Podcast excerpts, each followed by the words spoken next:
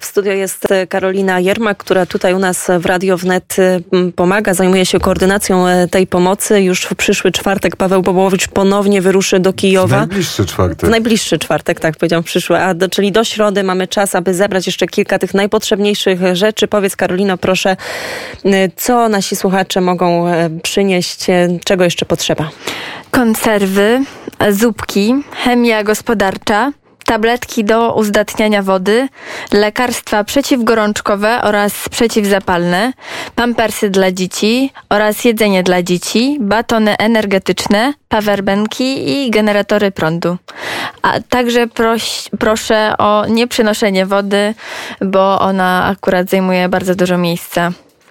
A stąd te tabletki do uzdatniania wody? Czyli e, sytuacja jest taka. Paweł Bobołowicz po raz kolejny wyrusza do e, Kijowa. Ma zamiar wyjechać w czwartek rano? W czwartek o świcie Paweł zamierza wyjechać, więc czekamy na...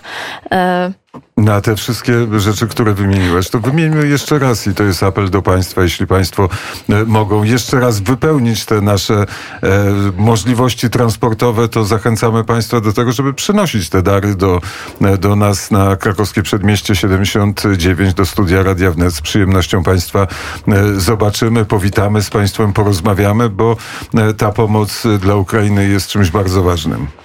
Konserwy, zupki, chemia gospodarcza, tabletki do uzdatniania wody, lekarstwa przeciwgorączkowe oraz przeciwzapalne, pampersy dla dzieci, jedzenie dla dzieci, batony energetyczne, powerbanki oraz generatory prądu.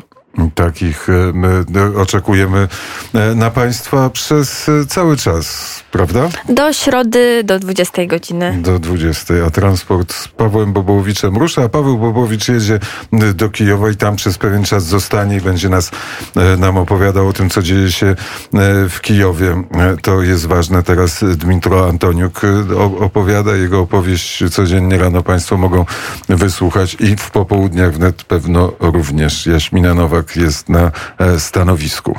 Mm, dokładnie tak. Ja jeszcze tylko mm, dodam kilka informacji dotyczących ostatniego przemówienia prezydenta Ukrainy Wołodymyra Zełęńskiego. To słowa, które padły podczas e, wideokonferencji z rumuńskimi parlamentarzystami. Cytujemy: Gdyby Ukraina się nie broniła do rosyjskich zbrodni wojennych, takich jak w Buczy, dochodziłoby wszędzie.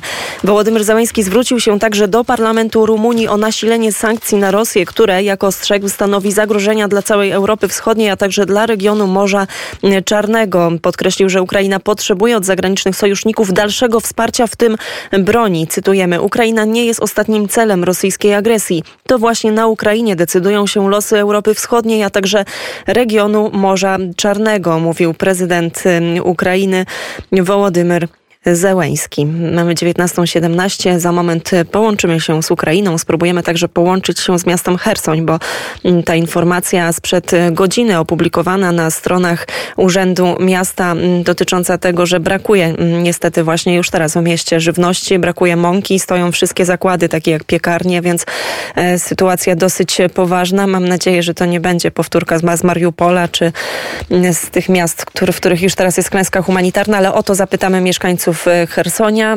Natomiast też chwila